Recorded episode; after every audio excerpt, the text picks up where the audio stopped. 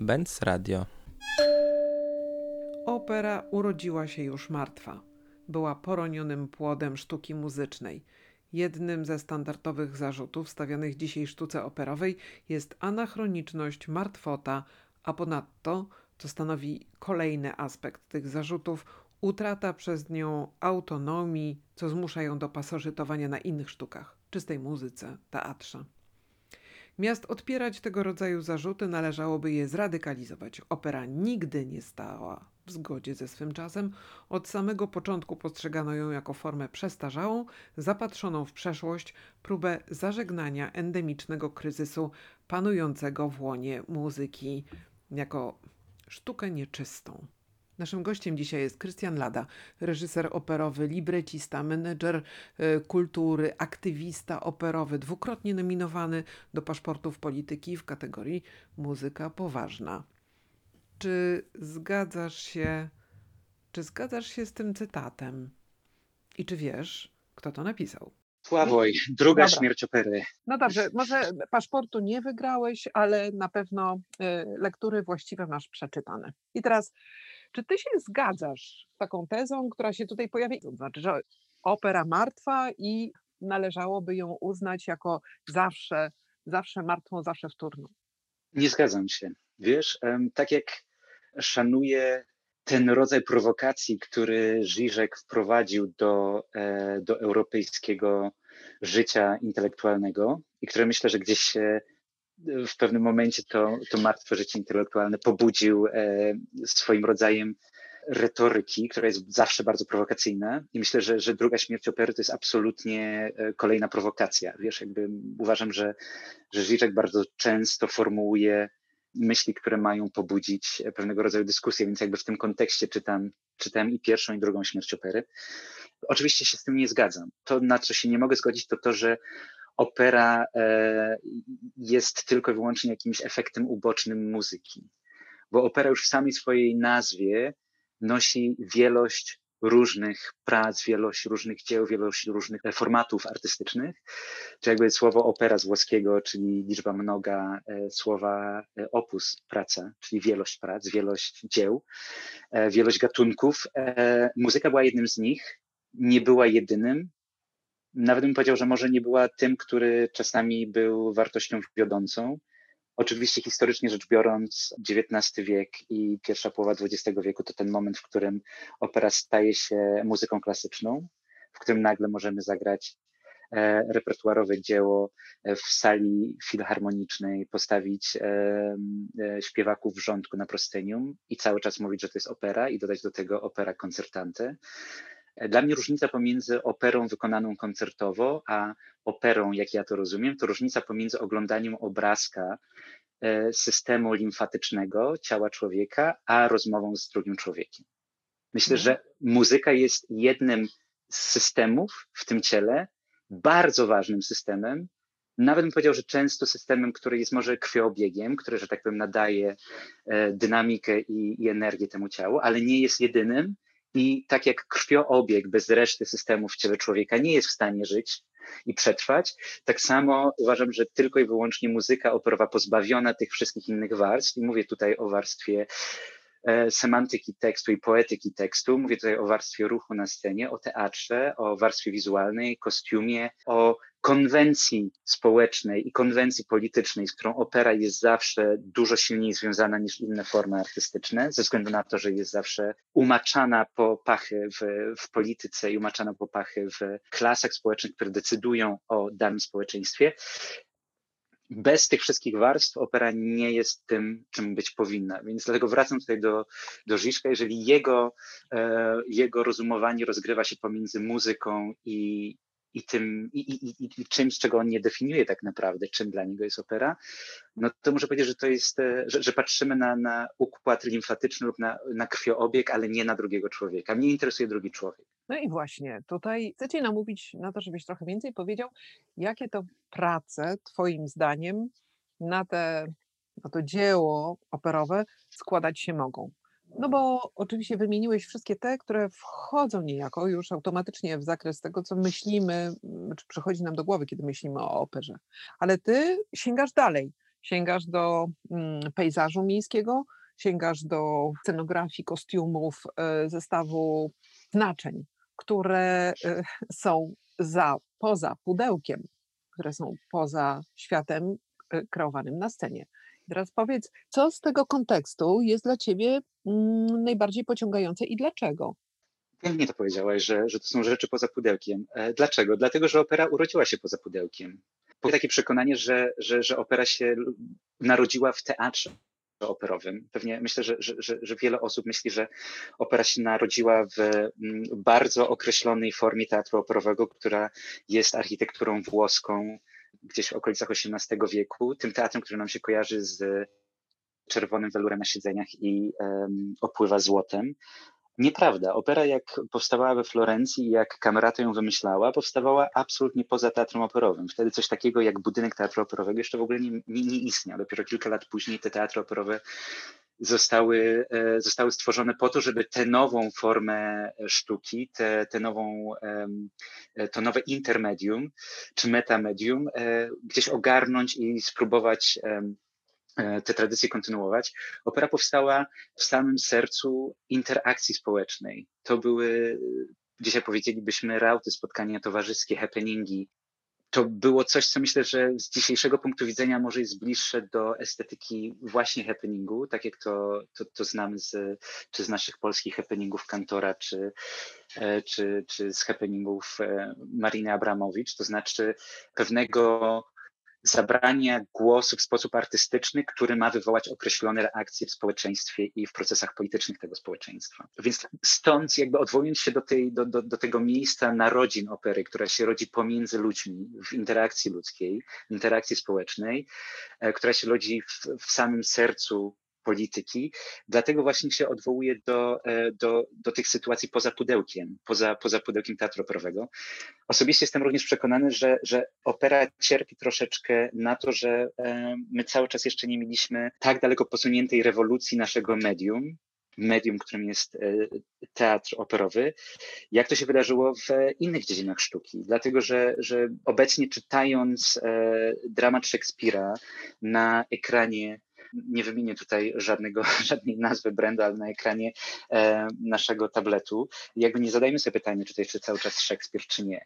I czy, czy fakt, że to nie jest Szekspir na papierze i, i nie jest pisany atramentem, no to robi z tego Szekspira mniej Szekspira. E, czy, czy jakby nie porównujemy już tego, że Szekspir pisany atramentem jest bardziej Szekspirem niż Szekspir pisany Times New Roman 12 punktów e, na ekranie takiego tabletu. W operze jeszcze cały czas mamy tę dyskusję, dlatego że ostatnim, ostatnią rewolucją w operze, taką najnowszą rewolucją w operze, jeżeli chodzi o medium teatru operowego, to była rewolucja Wagnera, która się wydarzyła pod koniec XIX wieku. To znaczy Wagner, który wyszedł z tej architektury teatru w stylu włoskim, czyli tego właśnie teatru, który pamiętamy z pocztówek z Paryża czy z, z Rzymu. Teatr budowany na, widownia budowana na planie podkowy, e, balkony, loże i ten splendor, który nam się z operą na ogół kojarzy. Wagner wychodzi z tego teatru, wychodzi nawet z miasta, bo opera włoska w stylu włoskim to jest też opera, która jest zawsze w centrum miasta, bo jakby jest w centrum życia społecznego, musi być w sercu tego miasta. Wagner wychodzi stamtąd, idzie na e, dziewiczą przestrzeń pagórków w Bayreuth, buduje tam zupełnie inny format, tego teatru operowego, który, który jest jego totalną wizją, znowu totalną wizją. Tak? Jemu nie chodziło tylko o rewolucję w muzyce czy rewolucję w teatrze, jemu chodziło o rewolucję w odbiorze tego, no nazwałbym to pejzażem, przestrzenią doświadczenia akustyczno-wizualnego. Tworzy to zupełnie na nowo. No i to się wydarzyło ponad 100 lat temu, od tamtej pory długo, długo nic tak? Więc e, jeżeli, wracam do Twojego pierwszego pytania, jeżeli cokolwiek tutaj trąci myszką, mówiąc naj, o, najogólniej, to e, powiem to troszeczkę struktura teatru operowego, niż e, na pewno nie, nie sama forma opery, która radzi sobie świetnie, nawet w czasach, w czasach pandemii, ale radzi sobie poza tym pudełkiem. I tutaj możemy porozmawiać o działaniach Wojtka Blecharza, który organizuje swoje opery pod auspicjami Teatru Powszechnego, który absolutnie operą nie jest. Powiedziałbym, bywa przestrzenią dla tworzenia opery. Najciekawsza kompozycja, nowa kompozycja operowa w Polsce z zeszłego roku, Drach Alka Nowaka, e, miała swoją premierę w ramach festiwalu organizowanego przez grupę muzyków, nie na scenie teatru operowego. Więc jakby tutaj zauważamy, że, że, że to jest trochę taki moment, w którym, w którym tak jakbym to porównał do literatury, jakby literatura opuszcza e, prasę literacką, czyli literatura opuszcza książkę, opuszcza papier i zaczyna szukać innego, innej przestrzeni. No teraz pytanie jest, czy, czy to medium za tym nadąży, to znaczy, czy teatry operowe wymyślą się na nowo, tak, żeby mogły nadążyć za rozwojem formy operowej. Słuchaj, to jest bardzo ciekawe, co mówisz, zwłaszcza, że Twoje doświadczenia są niezwykle rozległe. Pracowałeś w bardzo wielu miejscach, z wieloma podmiotami, instytucjami, grupami formalnymi, nieformalnymi, które zajmują się muzyką, które się nie zajmują muzyką e, ani tańcem w sposób profesjonalny. Tak naprawdę ta lista Twoich e, dokonań, kontaktów i jakichś rozpoczętych relacji jest niezwykle bogata.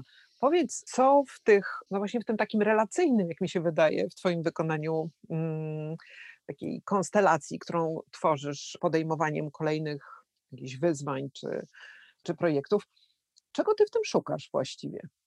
Współzależności, myślę, wiesz, to jest coś, co e, osobiście chyba najbardziej mnie fascynuje w operze. To jest fakt, że opera może powstać tylko w sytuacji, w której pozwalamy sobie E, samemu na, na, na wejście w sytuację współzależności.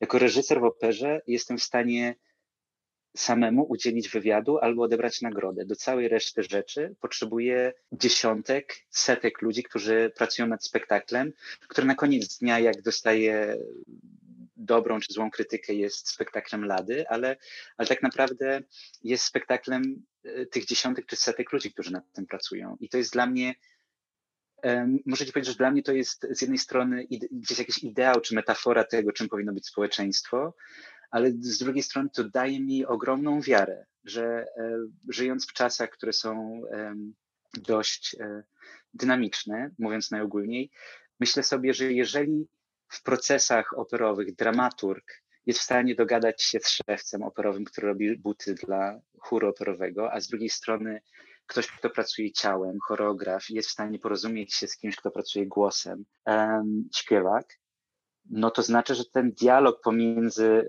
różnymi perspektywami jest możliwy. I, i to, co mnie najbardziej fascynuje w operze, jak ja to rozumiem, czy jako wielość różnych prac i wielość różnych perspektyw, to ta właśnie współzależność i, i, i, współzależność oparta na dialogu. To znaczy, to nie, to nie znaczy, że my się musimy wszyscy ze sobą zgadzać. To nie znaczy, że to, co widzimy na scenie, musi być odzwierciedleniem tego, co słyszymy e, w orkiestronie. Bardzo często to, to jakby jest praca na, na negatywach. E, kiedyś usłyszałem taką ładną metaforę, że, że dobra inscenizacja operowa powinna być jak basen, a tą wodą w tym basenie jest kompozycja operowa i cały czas mnie to gdzieś fascynuje, bo, bo, bo tak, tak trochę czasami jest. Więc dla mnie to jest, to jest coś, co, e, co wymaga określonej ekspertyzy i to jest ekspertyza słuchania też, więc ja wchodząc w tę wielość różnych kontaktów, czyli z jednej strony pracując jako libretysta z kompozytorami i z kompozytorkami, z drugiej strony e, jakby serce mojej pracy, które jest związane z reżyserią, ale również e, fakt, że interesują mnie zagadnienia związane z e, zarządzaniem instytucjami kultury, czy z jakby bardziej związek pomiędzy polityką i instytucjami kultury, również pomiędzy instytucjami kultury a edukacją, instytucjami kultury a, a komunikacją, wynikają z tego, że uważam, że w tym świecie nie można inaczej funkcjonować, że właśnie ta wielość różnych perspektyw, która łączy się w jednym dziele operowym, wymaga nie wszystkich ekspertyz od jednej osoby, bo, bo jakby nie, te, te, relacje, które buduję, nie są po to, żebym nagle stał się kompozytorem albo żebym nagle został, um, został e, ekspertem od edukacji kulturalnej, ale pozwalają mi zrozumieć, czego ta druga osoba po drugiej stronie stołu potrzebuje ode mnie jako od reżysera do stworzenia tego, co ja nazywam ekosystemem operowym. Myślę, że to jest jeszcze taka, taka, takie zagadnienie, które bardzo jest czymś nowym w myśleniu o operze, nie jest czymś nowym w myśleniu o instytucjach kultury, na przykład jako takich w, w Europie.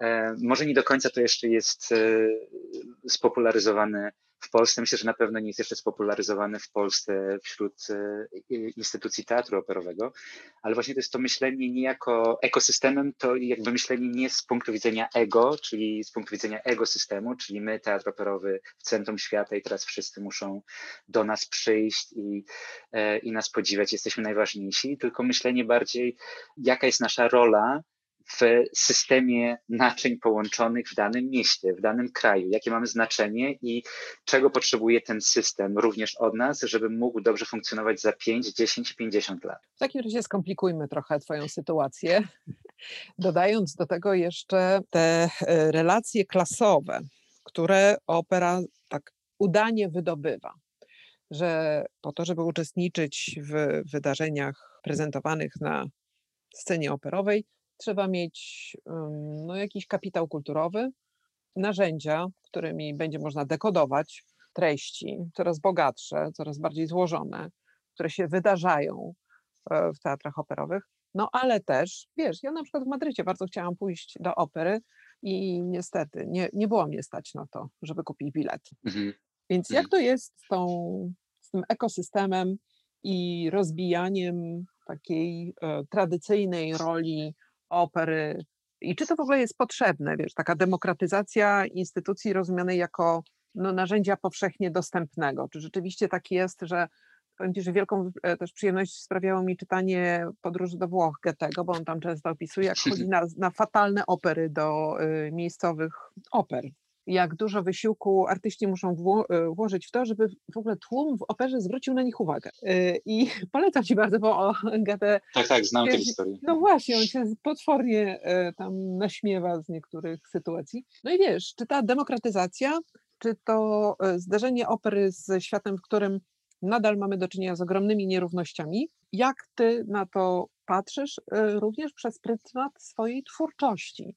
To jest bardzo ważne pytanie, bo pytanie, które zadajesz, e, jest tak naprawdę pytaniem o funkcję opery i ona jest zawsze, zawsze zakorzeniona e, w swoich czasach. To znaczy wspomniałaś tutaj Goethego i oczywiście tutaj nie możemy zapomnieć o tym, że funkcja organizacji, którą był teatr operowy w tamtych czasach, była zupełnie inna niż w dzisiejszym świecie. To znaczy, um, bilet do opery był dodatkiem do biletu do e, tak zwanego ridotto, które można porównać do kasyna. Czyli to, co dzisiaj, jak zwiedzamy te teatry operowe, czy jak chodzimy do opery i, i zachwycamy się foyer z pięknymi żerandolami i tak dalej, to musimy sobie wyobrazić, że w tamtych czasach te foyer były zapełnione e, różnego rodzaju obiektami, które tworzyły kasyno. Jakby, do, jakby to był element rozrywki związanej z karnawałem. Chodziło się do, do, do, do kasyna, żeby sobie pograć, żeby to była znowu e, okazja społeczna, socjalna, żeby w dzisiejszych czasach pewnie powiedzielibyśmy, że to była e, okazja do networkingu, jak najbardziej. I dopiero po jakimś czasie rozlegały się pierwsze dźwięki uwertury, dlatego też te uwertury są z tamtych czasów tak głośne i tak długie, bo wszyscy musieli zdążyć odejść od od ruletki i dojść na swoje miejsce. Więc jakby też mnie zawsze bawi takie przypisywanie jakichś takich semantycznych e, wartości do, do, do niektórych uwertur i tego, że, że, że jakby jest taka wiara, że one już opowiadają jakąś historię. No nie opowiadają historii, to po prostu pierwszy dzwonek e, do tego, żeby, żeby wejść na, na widownię. E, to się wiąże też również z tym, że czasami dostaję pytanie od, e, od ludzi nowych w operze, którzy mówią, słuchaj Krystian, wiesz, ona już w pierwszym akcie ta bohaterka, ona już miała tą arię o tym, że ona śpiewa, ona już śpiewała o tym, że ona na niego czeka i że on nie wraca i potem wiesz, po przerwie ona jeszcze raz ma arię, że ona czeka i nie wraca, trochę krótszą, ale po co ona to śpiewa jeszcze raz? No właśnie po to, że były osoby, które nie docierały na widownię przed przerwą, tylko cały czas jeszcze, że tak powiem, networkingowały albo, albo grały w tę ruletkę e, i, i docierały po przerwie. No i jakby, jakby tak, tak, tak była skonstruowana ta forma, że, że, że trzeba było przypomnieć, tak? Albo to, że, że bardzo, bardzo często, bo tutaj mówimy o operze XVII-XVIII wiecznej, że bardzo często e, w tych librettach jest to, że jak bohater wchodzi na scenę, to pierwsze co, co mówi, to, to, to się przedstawia i mówi, kim jest, tak? Czy jakby taki, taki, e, taka ręka wyciągnięta do widza, który, który nie do końca się już łapie w tej akcji, w tej sytuacji. No bo, no bo też chyba spożywa alkohol w czasie spektaklu, tak? I mm, chyba spożywanie no, wina wtedy było na, na poziomie, e, znaczy na, na porządku dziennym, w związku z czym takie przedstawianie się, wiesz, jak w środowisku osób palących za dużo jointów, hej, to ja, mam na imię tak i tak, no to mm, raczej bardzo taka no, racjonalne, mm, racjonalne zachowanie.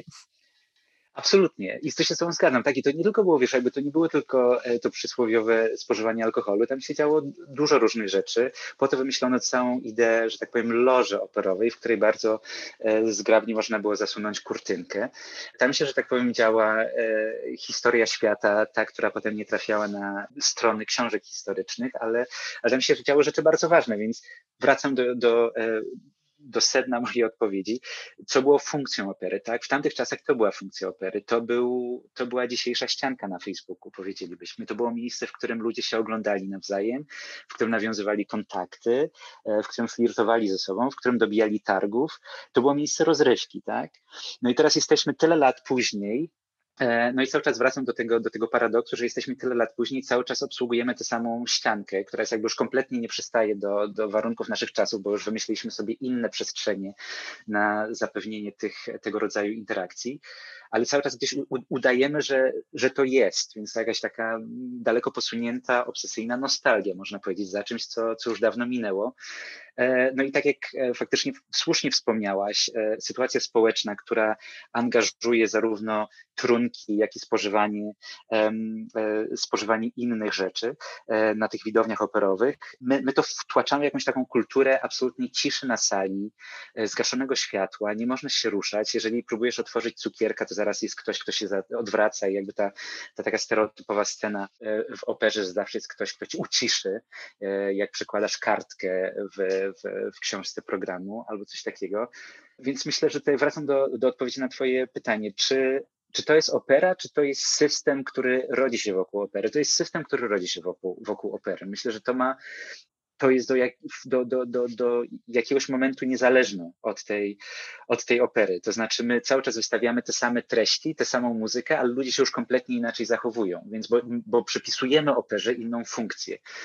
I tutaj ważnym słowem w tym zdaniu jest przepisujemy. To znaczy, my możemy te kodowanie opery zmienić. To znaczy, e, ja pracując ze współczesnymi kompozy kompozytorkami, kompozytorami i tworząc projekty, które są na przykład projektami bardziej imersyjnymi, w której pozwalamy publiczności ruszać się w przestrzeni opery, w której pozwalamy publiczności zdecydować indywidualnie, kiedy, kiedy chce wejść w tę przestrzeń i z tej przestrzeni wyjść, nagle się okazuje, że, e, że to się bardziej wpisuje w to, czego oni oczekują. Nagle się okazuje, że jeżeli oni nie muszą wysiedzieć trzech godzin na widowni, e, jeżeli to jest zostawione jako ich wolna wola, czy, czy zostaną na, na, na, w przestrzeni tego spektaklu przez pół godziny, czy przez godzinę 30 e, minut, to oni wybierają, żeby zostać jednak dłużej.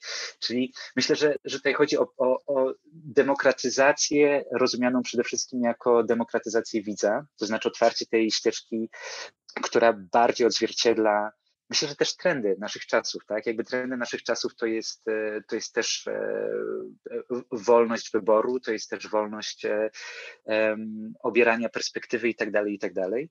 Mówiłaś o kapitale kulturowym i mówiłaś o narzędziach do dekotowania kultury, które są potrzebne do odbioru opery. Zgodzę się częściowo z tym, bo myślę, że e, z jednej strony tak jest, faktycznie są te, e, opera jest takim fantastycznym palimpsestem, który ma e, zawsze, jak już się nam wydaje, że doszliśmy do sedna, to jeszcze ma jedną warstwę i, i można się w tym zagrzebać z punktu widzenia filozoficznego, estetycznego, politycznego, muzykologicznego. Jakby mógłbym tutaj wymieniać kolejne, kolejne słowa ale na koniec dnia opera jest też tym medium, w którym nierozumienie języka, w którym e, opera jest wykonywana, e, często nie jest problemem, bo pewnego rodzaju emocje są już zawarte w figurach e, muzycznych opera jest też tym medium, które oddziałuje nie tylko na, naszą, e, na, nasz, na nasze racjo, czyli nie tylko oddziałuje na nas semantycznie, ale oddziałuje na nas również czysto cieleśnie, cieleśnie bo jakby słuchanie muzyki to jest również na żywo, to jest również um,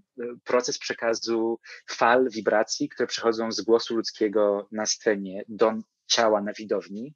Bardzo często podaję ten przykład e, Pucciniego, fakt, że nas wzruszają niesamowicie e, szalenie szowinistyczne arie e, Pucciniego, wynika z tego, że ten facet absolutnie wiedział, które to nacje wywołają w nas efekt wzruszenia. I nawet jeżeli my się racjonalnie możemy nie zgadzać z tym, co jest śpiewane na scenie, to ta muzyka nas uwodzi w taki, w taki najbardziej syreni sposób, czyli sposób, któremu nie możemy się oprzeć, uwodzi e, w to miejsce, w którym te emocje jednak biorą górę.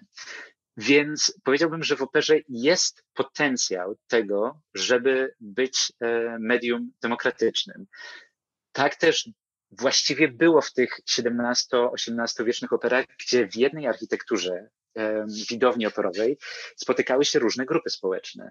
Jakby tam kiedyś było tak, że, że parter, który dzisiaj jest tą naj, bardzo często najdroższą kategorią, jeżeli chodzi o bilety operowe, był tak naprawdę tym miejscem, gdzie były najtańsze bilety, bo tam nie było e, siedzeń, tylko się, się stało tak, jak się stoi na dzisiejszych koncertach popowych czy rockowych.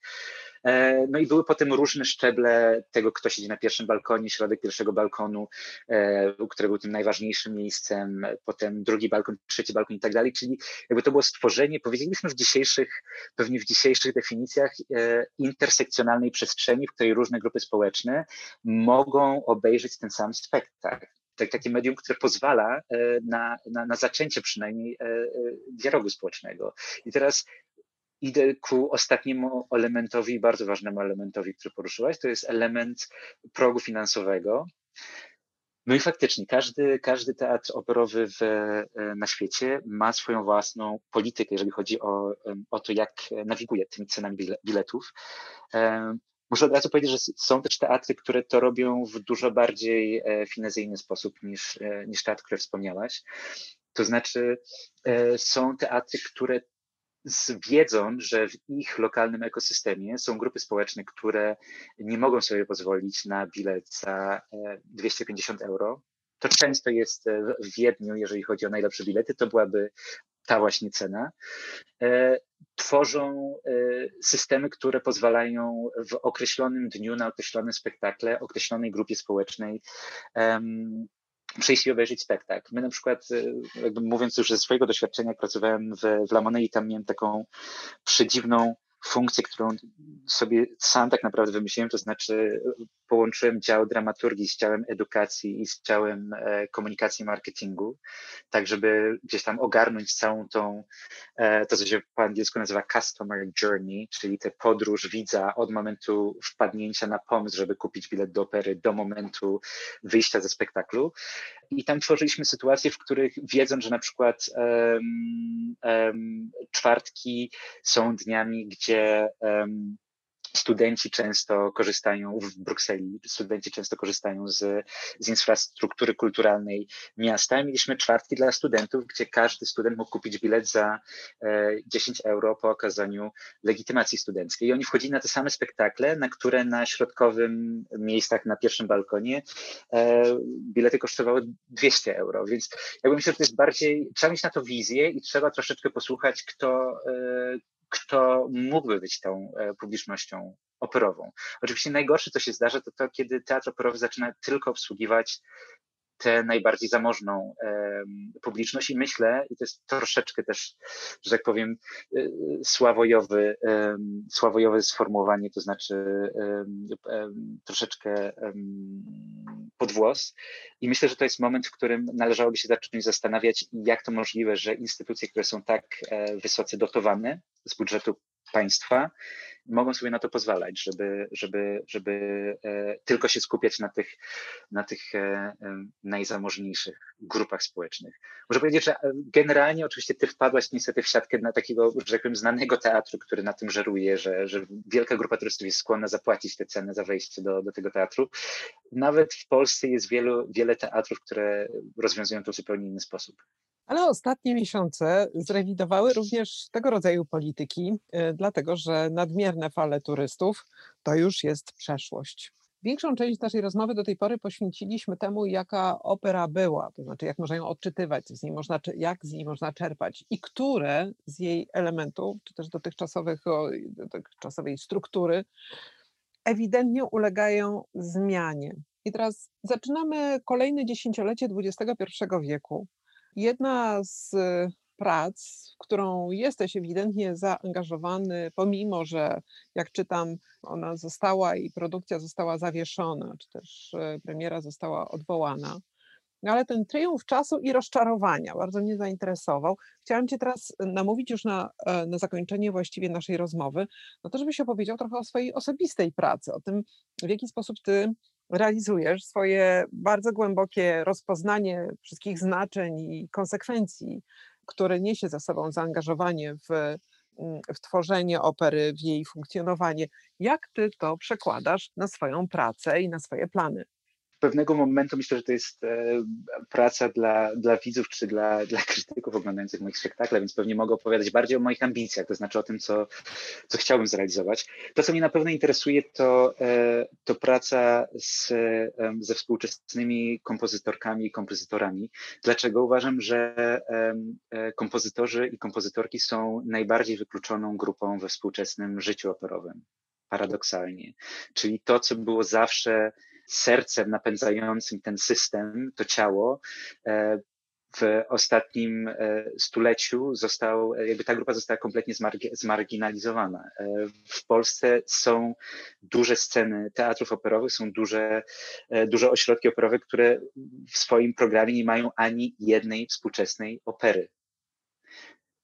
Jak przeglądałem sobie, co dzieje się w streamingach operowych ostatnich tygodni, miesięcy. I myślę, że to jest też ciekawe, że e, pandemia przyspieszyła proces digitalizacji i, i technologizacji w ogóle instytucji kultury, ale myślę, że, że oper, operze bardzo to pomogło gdzieś zwrócić uwagę na to, że, e, że, że warto się tym zająć.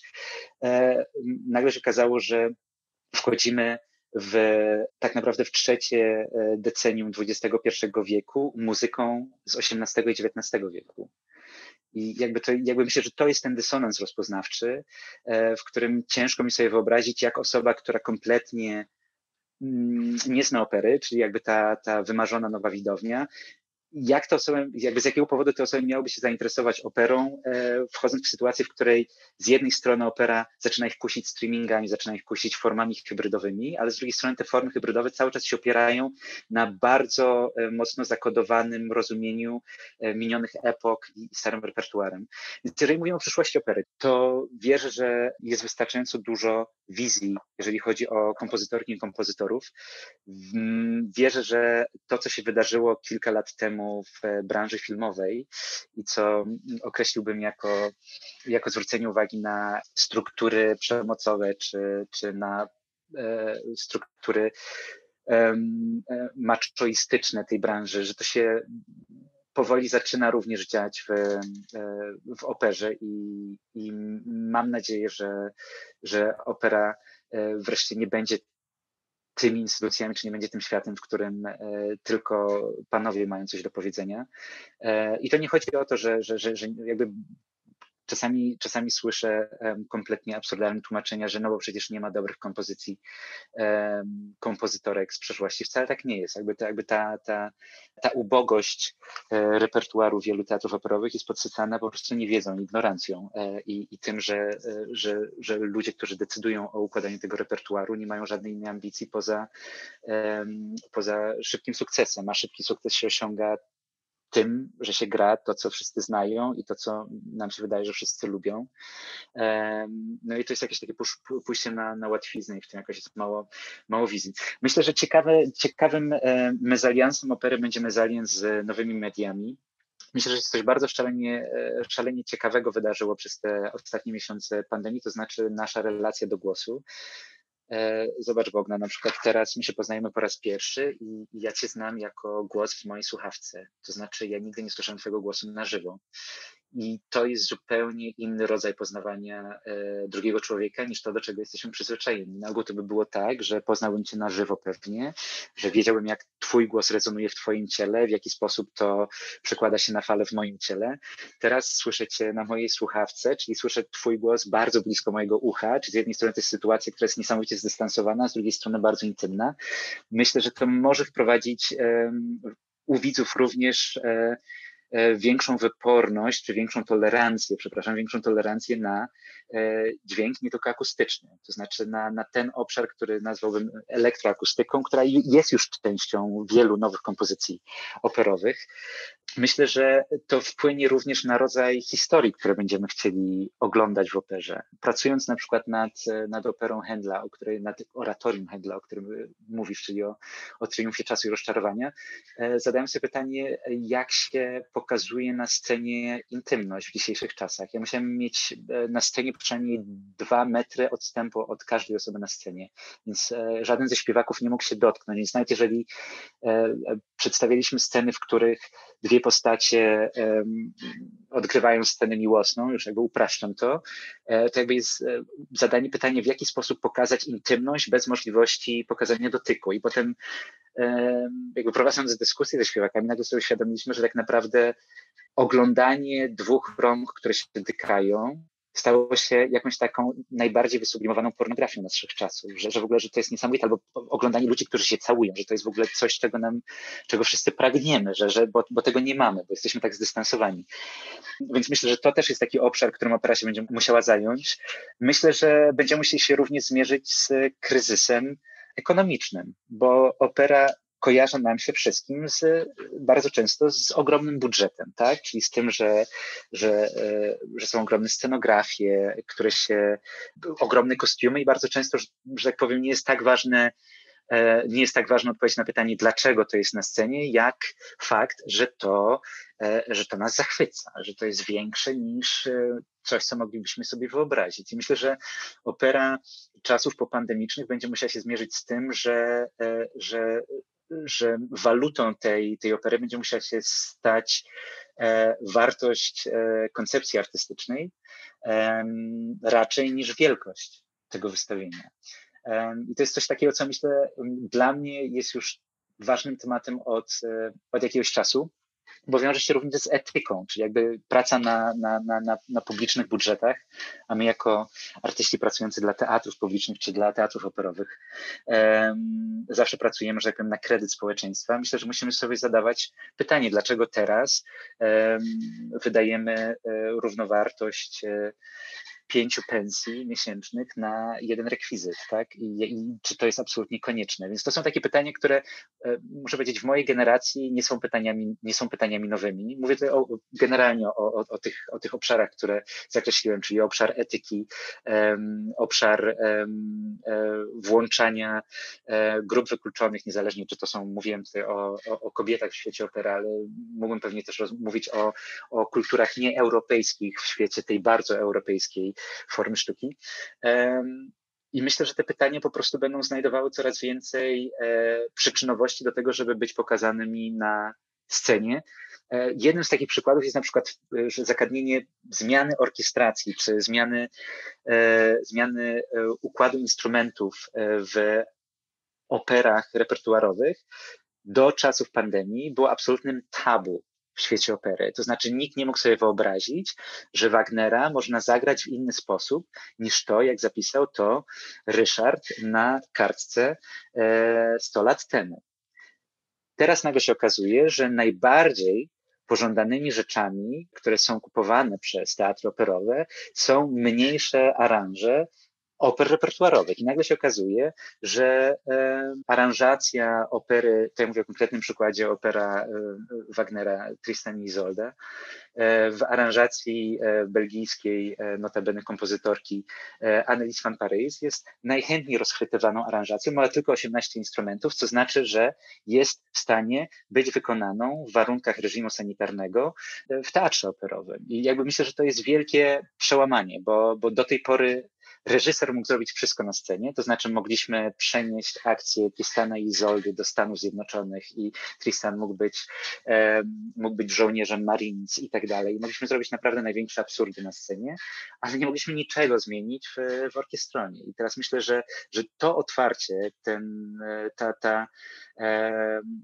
to, to nowe spojrzenie na, na to, czym jest muzykowanie, czy muzykowanie to są kropki na, na kartce, czy muzykowanie to jest znowu interakcja pomiędzy muzykami i tworzenie pejzażu akustycznego e, dla, dla widza na żywo, że to może e, dużo dobrego operze tak naprawdę przynieść. Podsumowując, e, myślę, że ten kryzys, który jest straszny, który dotyka nas na poziomie emocjonalnym, finansowym i takim ogólnospołecznym, oczywiście też na, na, na, poziomie zdrowotnym przede wszystkim na poziomie zdrowotnym, ja wierzę, że jeżeli chodzi o zmiany w operze, to to może e, troszeczkę przyspieszyć pewnego rodzaju dobre, dobre procesy czy zalążki dobrych procesów, które już, już tam istnieją i, e, i wprowadzić, troszeczkę otworzyć okno w tym, w tym muzeum i troszeczkę świeżego powietrza wpuścić do tej sali. Krystian, a czego Ci życzyć? Wiesz powiem Ci szczerze, że, że za każdym, każdego dnia uświadamiam sobie, że, że mam tak dużo y, wspaniałych sytuacji dookoła siebie, bo wiesz, bo jakby tak jak tak jak kiedyś, e, już kiedyś em, któremuś z Twoich kolegów opowiadałem, że, że w tym roku, jeszcze nigdy nie miałem tyle pracy, co w tym roku, więc na to nie mogę narzekać. E, trzymam się zdrowotnie jakoś też. E, chyba życzyć tego, żeby, żeby spotykać mądrych, inspirujących ludzi i żeby, żeby tak jak wiesz, Ty zaczynasz naszą rozmowę od cytatu Sławoja i myślę sobie, świetnie, wreszcie, wreszcie, wreszcie rozmowa, która mnie prowokuje do jakiejś analizy tego, co robię. Myślę, że to jest najważniejsze, bo myślę, że jeżeli em, będziemy się otwierać na tych innych ludzi, będziemy, będziemy im pozwalać, żeby nas inspirowali, to, to to może na, nam dać nie tylko kierunek na to, do, dokąd mamy zmierzać, ale również energię. Więc proszę, życz, życz mi więcej rozmów jak tych, ja- jak, jak ta, nasza, ta, ta, ta, ta nasza dzisiejsza. Może, może nie zawsze o Sławoju, bo, bo, bo, bo, bo może nie, nie, do końca e, warto rozmawiać tylko o, o nim, ale właśnie rozmów, które prowokują, rozmów, które rozbudzają. Tego mi życzę. Słuchaj, ja Ci bardzo dziękuję za tę rozmowę. Mam nadzieję y, ogromną, że się spotkamy, bo y, jestem e, pod wielkim wrażeniem tego, w- jaki sposób mówisz o swojej pracy i w jaki sposób ją rozumiesz tak y, bardzo głęboko i rozlegle. To, mm, no to jest naprawdę wspaniałe. Super, bardzo się cieszę, że się poznajemy w ten sposób. Też się bardzo cieszę. Dziękuję serdecznie.